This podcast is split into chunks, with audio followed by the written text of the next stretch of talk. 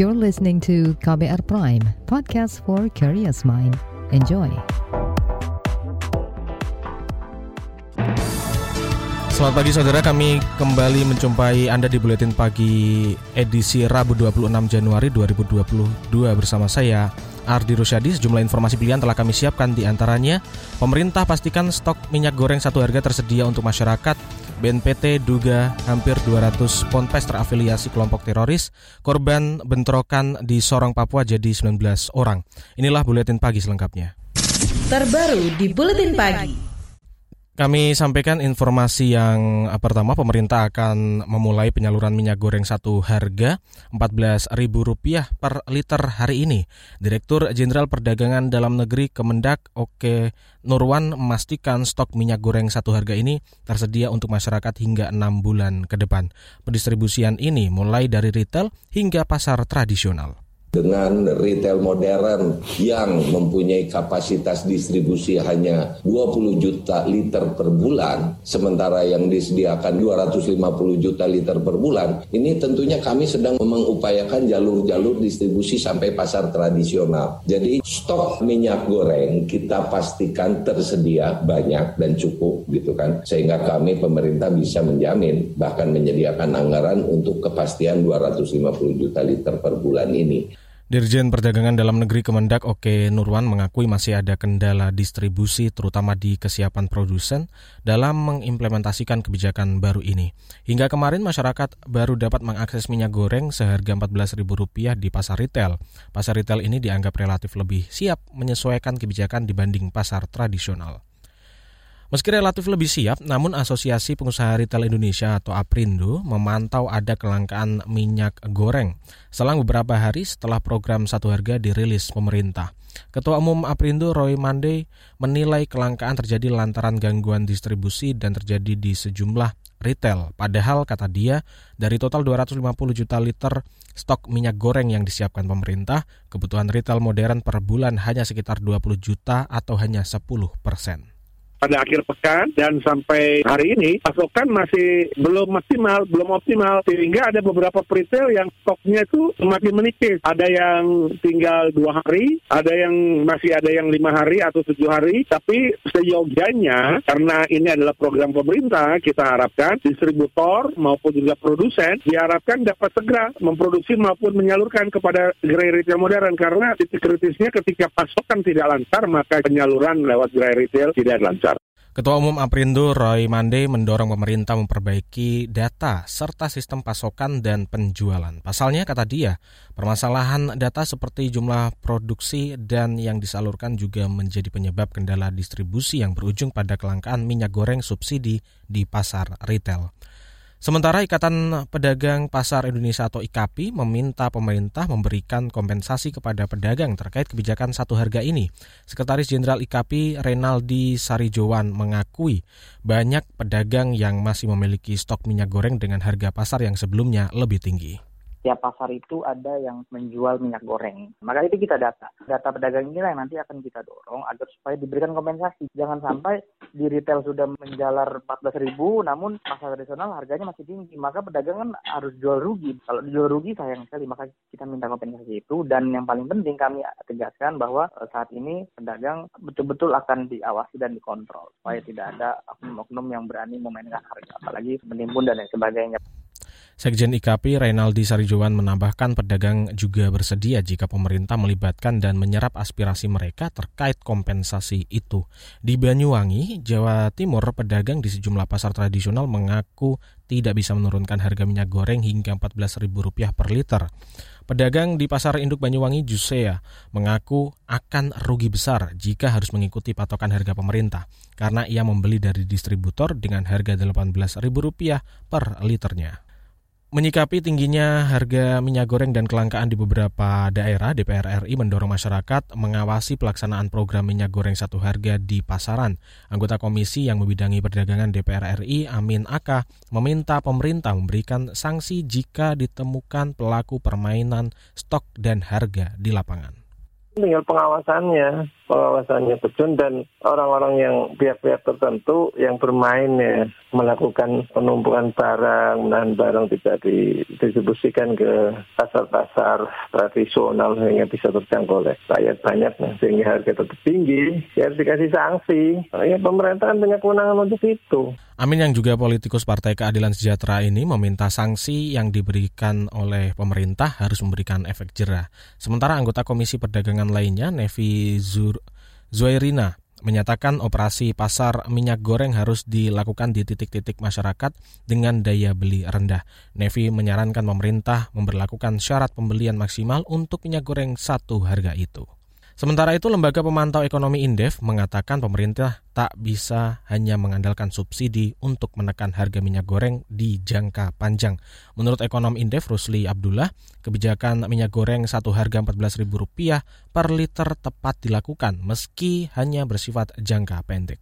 Jangka pendek itu dia bisa meredam kenaikan harga minyak goreng ya. Minyak goreng yang memang terkait dengan harga CPO jadi in, in the short term is okay. Tapi the long run di, long, long run itu kurangnya bagus ya. Tapi kalau subsidi terus jebol kan. Meskipun pemerintah menyatakan bahwa subsidi ini ini hanya enam bulan. Nanti setelah enam bulan akan dievaluasi. Dan uh, banyak prediksi PO naik itu sampai uh, satu. Setelah itu udah akan turun ya. Kemudian yang kedua sisi positifnya gini kan mau menjelang lebaran tuh. Jadi ini salah satu yang tepat. Ekonomi Indef Rusli Abdullah khawatir kebijakan ini merugikan negara karena terlalu besar mengeluarkan subsidi di tengah banyaknya program-program pemulihan ekonomi lainnya. Namun di sisi lain, kebijakan subsidi ini diperlukan apalagi dalam waktu dekat karena akan ada Hari Raya Idul Fitri yang biasanya memicu kenaikan harga pangan. Indonesia Singapura sepakati penguatan bidang pendidikan dan pengembangan SDM. Informasi selengkapnya hadir sesaat lagi, tetaplah di Buletin Pagi KBR. You're listening to KBR Pride, podcast for curious mind. Enjoy!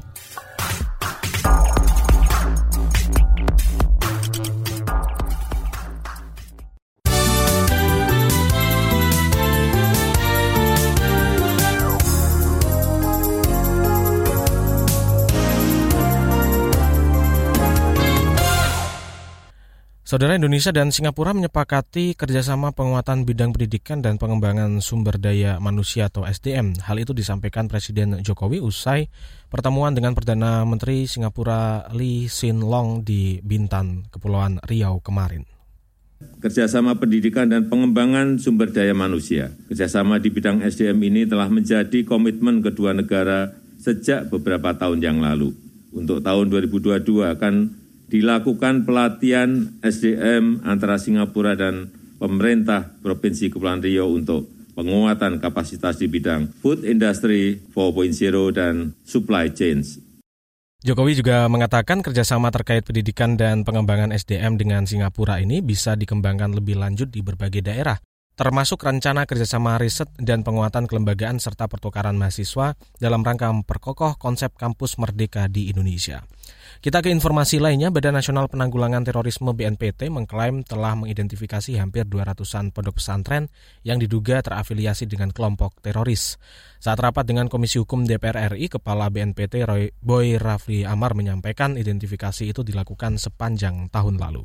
Selain itu juga kami menghimpun beberapa pondok pesantren yang kami duga terafiliasi dan tentunya ini juga merupakan bagian upaya-upaya dalam konteks intel pencegahan yang kami laksanakan di lapangan.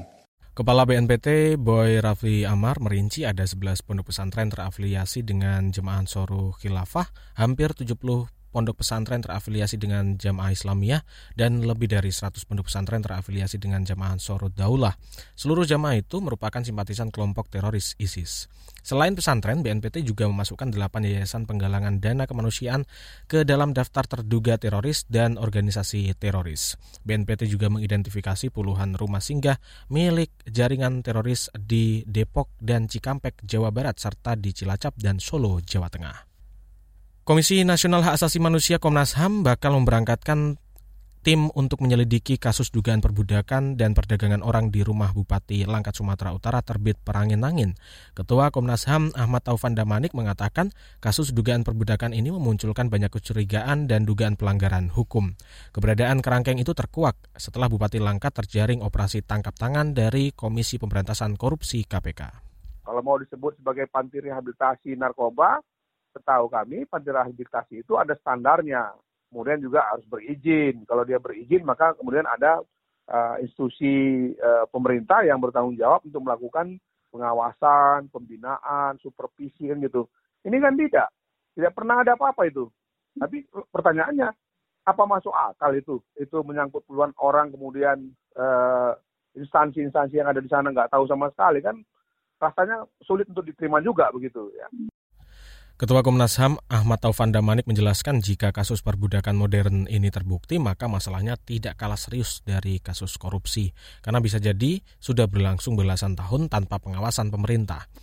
Sebelumnya LSM Migrant Care mendapat laporan warga mengenai dugaan perbudakan di rumah Bupati Langkat. Dalam laporan itu diduga ada puluhan orang dipekerjakan secara paksa di perkebunan sawit tanpa upah. Kita beralih ke informasi ekonomi. Menteri Investasi atau Kepala Badan Koordinasi dan Penanaman Modal BKPM Bahlil Lahadalia menyebut ekonomi Indonesia masih dapat terus berjalan kendati dalam situasi krisis pandemi COVID-19. Hal itu tercermin dari capaian realisasi investasi Indonesia sebesar 900 triliun rupiah tahun lalu. Kemudian kita mampu menciptakan lapangan pekerjaan kurang lebih di tahun ini sekitar satu juta lebih. Nah di kuartal keempat saya kasih bocoran, target investasi kita tercapai. Lebihnya berapa? Saya belum bisa umumkan sekarang. Hari Kamis, peluncuran kuartal keempat untuk pertumbuhan ekonomi apa uh, realisasi investasi. Ini sejalan data ini dengan pertumbuhan ekonomi kita. Menteri Investasi atau Kepala BKPM Bahlil Lahadalia memperkirakan pertumbuhan ekonomi dapat terjaga di kisaran 4,8 hingga 5 persen di kuartal keempat tahun 2021. Jika merujuk pada perhitungan itu, kata dia kumulatif pertumbuhan ekonomi nasional di 2021 mencapai 3,75 persen hingga 4 persen dan menunjukkan bahwa ekonomi Indonesia mampu berjalan meski dihadapkan dengan persoalan krisis pandemi. Kita ke informasi mancanegara, Organisasi Kesehatan Dunia WHO baru-baru ini menyatakan pandemi COVID-19 kemungkinan dapat berakhir di tahun ini. Direktur Jenderal WHO Tedros Adhanom Ghebreyesus menyebut pandemi dapat berakhir jika negara-negara di dunia memastikan program vaksinasi dan pengobatan berjalan sesuai target. Selain itu, negara-negara juga harus konsisten menerapkan protokol kesehatan yang siaga melacak kemunculan varian baru virus corona. Di tengah optimisme WHO, sejumlah negara di Eropa Eropa dan dunia justru melaporkan peningkatan kasus COVID-19 secara signifikan, utamanya yang disebabkan oleh varian Omicron yang jauh lebih menular dibandingkan varian Delta. Sejumlah negara di Eropa seperti Prancis, Jerman, Belanda, Rusia, dan Inggris telah melaporkan kenaikan kasus harian COVID-19. Kita beralih ke Berita olahraga, Federasi Sepak Bola Malaysia atau FAM setuju polisi melakukan investigasi kepada timnas Malaysia terkait dugaan match fixing di Piala AFF 2020. Malaysia gagal lolos fase grup B Piala AFF 2020 usai kalah bersaing dengan timnas Indonesia dan Vietnam. Tim Harimau Malaya tercoreng karena dugaan terlibat pengaturan pertandingan. Tim investigasi akan mewawancarai sebagian kecil tim dari 10 temuan lembaga investasi, investigasi saat mewawancarai sejumlah pihak termasuk manajemen FAM, staf pelatih dan para pemain. Bekas Sekjen FAM Del Akbar menyebut pihaknya mengalami kendala dalam proses investigasi termasuk masalah waktu, laporan yang tak lengkap, terutama terkait dengan Departemen Teknis. Di bagian berikutnya kami akan hadirkan laporan khas KBR yang mengulas tema praktik perbudakan di laut. Nantikan sesaat lagi. You're listening to KBR Pride, podcast for curious mind. Enjoy!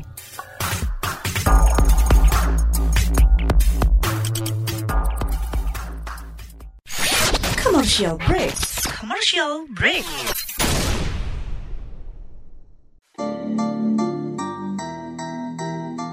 Come on yo.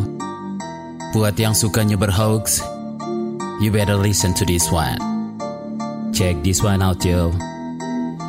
Hati-hati kalau baca kabar Hoax. Jangan langsung disebar kabar yang Hoax. Kalau mau tahu kabar benar atau Hoax. Dengerin cek fakta yang pasti bukan Hoax Dengerinnya setiap Senin yang jelas bukan Hoax. Cuma ada di kbrprime.id Dan aplikasi podcast lainnya Hoax. Sudah cukup-cukup hoaxnya? Hoax. Cukup Jaga emosi, tahan jari, verifikasi sebelum dibagi. Saya Ari Bowo Sasmito, Ketua Komite Pemeriksa Fakta Mafindo. KBR Prime, podcast for curious mind.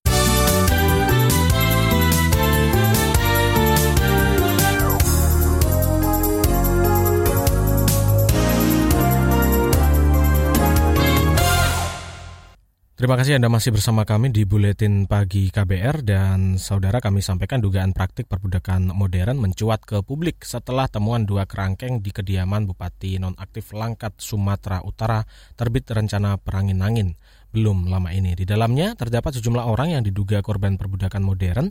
Jauh sebelum kasus ini muncul, perbudakan modern sudah terjadi dan dialami anak buah kapal ABK Indonesia. Lantas apa solusinya?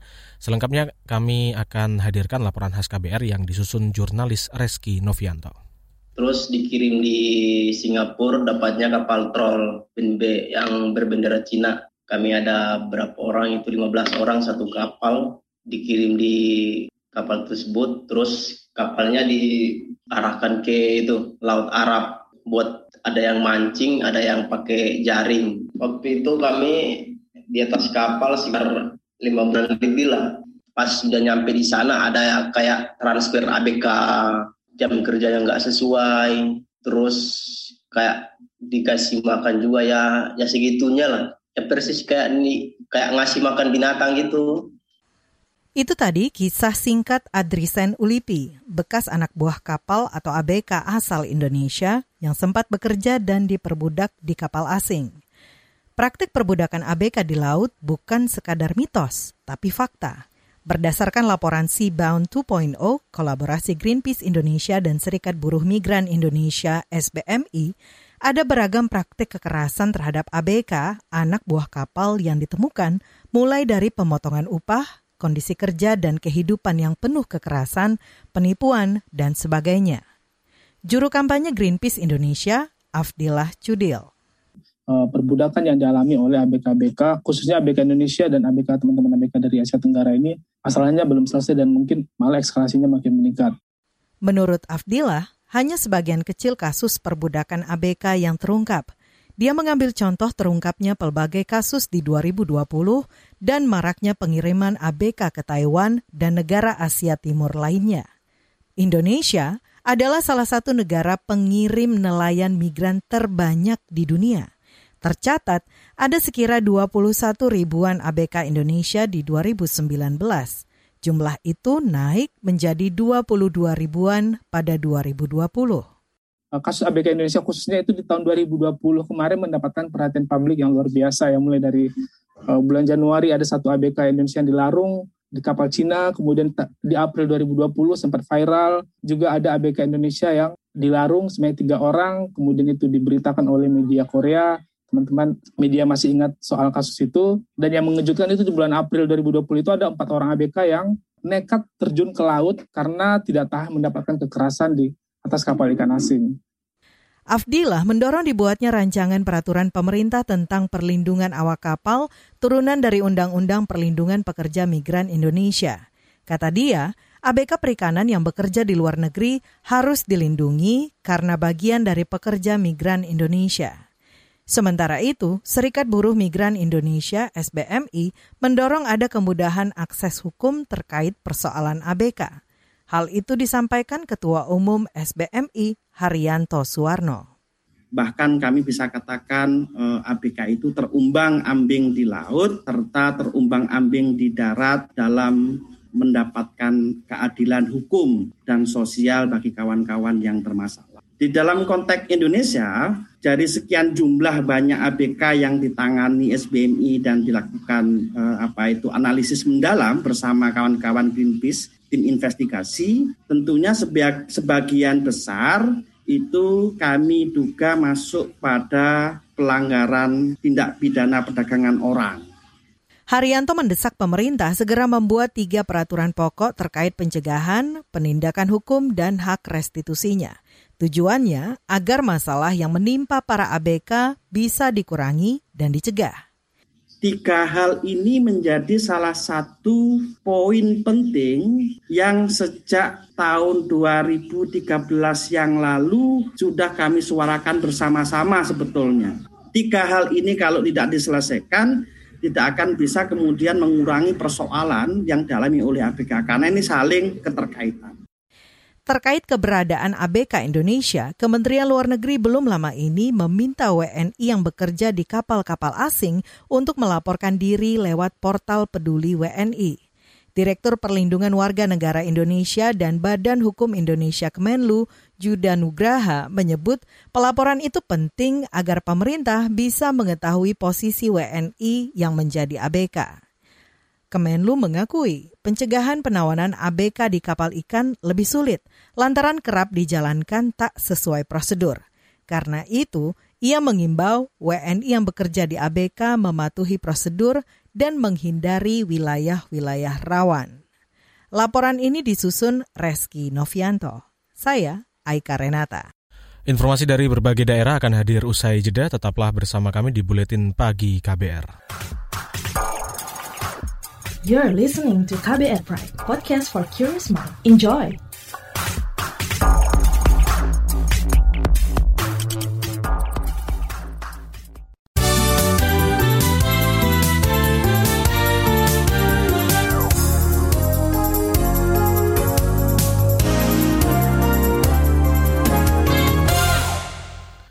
Inilah bagian akhir buletin pagi KBR. Kita ke Papua. Korban bentrokan di tempat hiburan malam di Sorong, Papua Barat kembali bertambah menjadi 19 orang. Juru bicara Mabes Polri, Ahmad Ramadan menyebut satu orang meninggal karena bentrokan dan 18 lainnya karena diduga terbakar di tempat hiburan. Petugas hingga saat ini masih mendalami dan menyisir jumlah korban dalam insiden itu. Polisi juga menyelidiki lebih lanjut pihak-pihak yang diduga bertanggung jawab hingga aktor intelektual dalam insiden pertikaian yang berujung pada pembakaran tempat karaoke itu. Sebelumnya juru bicara kepolisian Republik Indonesia mengatakan perkelahian itu melibatkan dua geng dari pulau tetangga Maluku yang saling bersaing.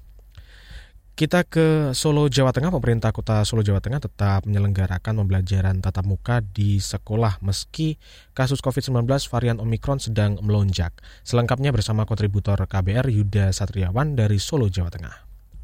Menteri Koordinator Bidang Pembangunan Manusia dan Kebudayaan Muhajir Effendi mengatakan PTM di sekolah tetap menjadi prioritas pemerintah.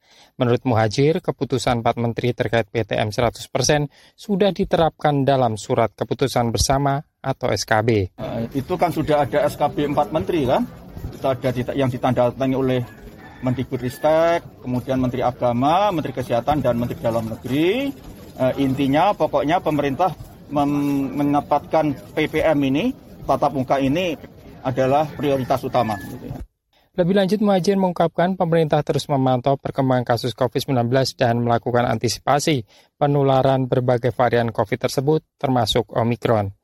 Pembelajaran tatap muka 100% atau penuh sudah dijalankan berbagai sekolah di daerah. Pemerintah memperketat persyaratan pembukaan PTM di sekolah di antaranya tersedia fasilitas dan satgas protokol kesehatan guru, karyawan, dan siswa seluruhnya sudah divaksin COVID-19. Dari Solo, Jawa Tengah, Yuda Satriawan, KBR. Dari Solo, Jawa Tengah kita ke Tangerang, Banten, empat petugas lembaga pemasyarakatan kelas 1 Tangerang didakwa dua pasal kealpaan atau kelalaian terkait insiden kebakaran yang menyebabkan kematian sejumlah narapidana. Hal itu terungkap dalam sidang di Pengadilan Negeri Tangerang dengan agenda pembacaan dakwaan oleh Jaksa Penuntut Umum Kejaksaan Negeri Kota Tangerang kemarin.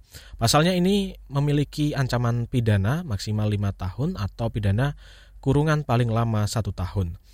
Atas dakwaan ini, terdakwa tidak mengajukan eksepsi atau dakwaan jaksa tersebut dengan alasan memegang prinsip peradilan yang cepat. Diketahui kebakaran di lapas kelas 1A Tangerang terjadi pada 8 September 2021 pagi. Kejadian ini menewaskan 49 orang tahanan.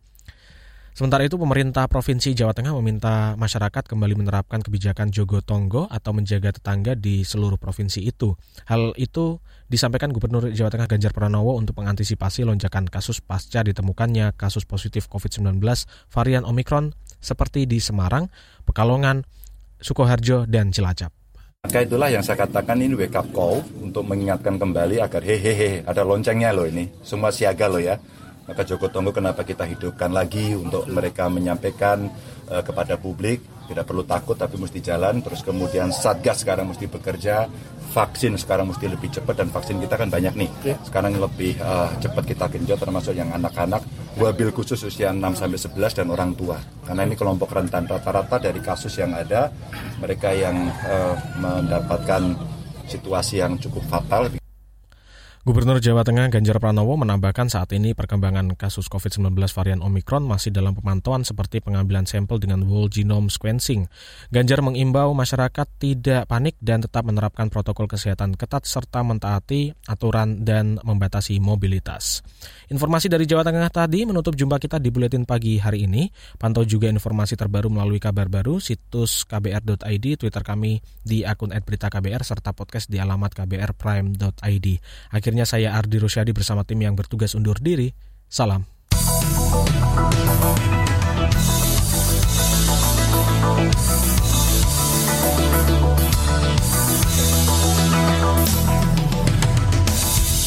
KBR Prime, cara asik mendengar berita. KBR Prime, podcast for curious mind.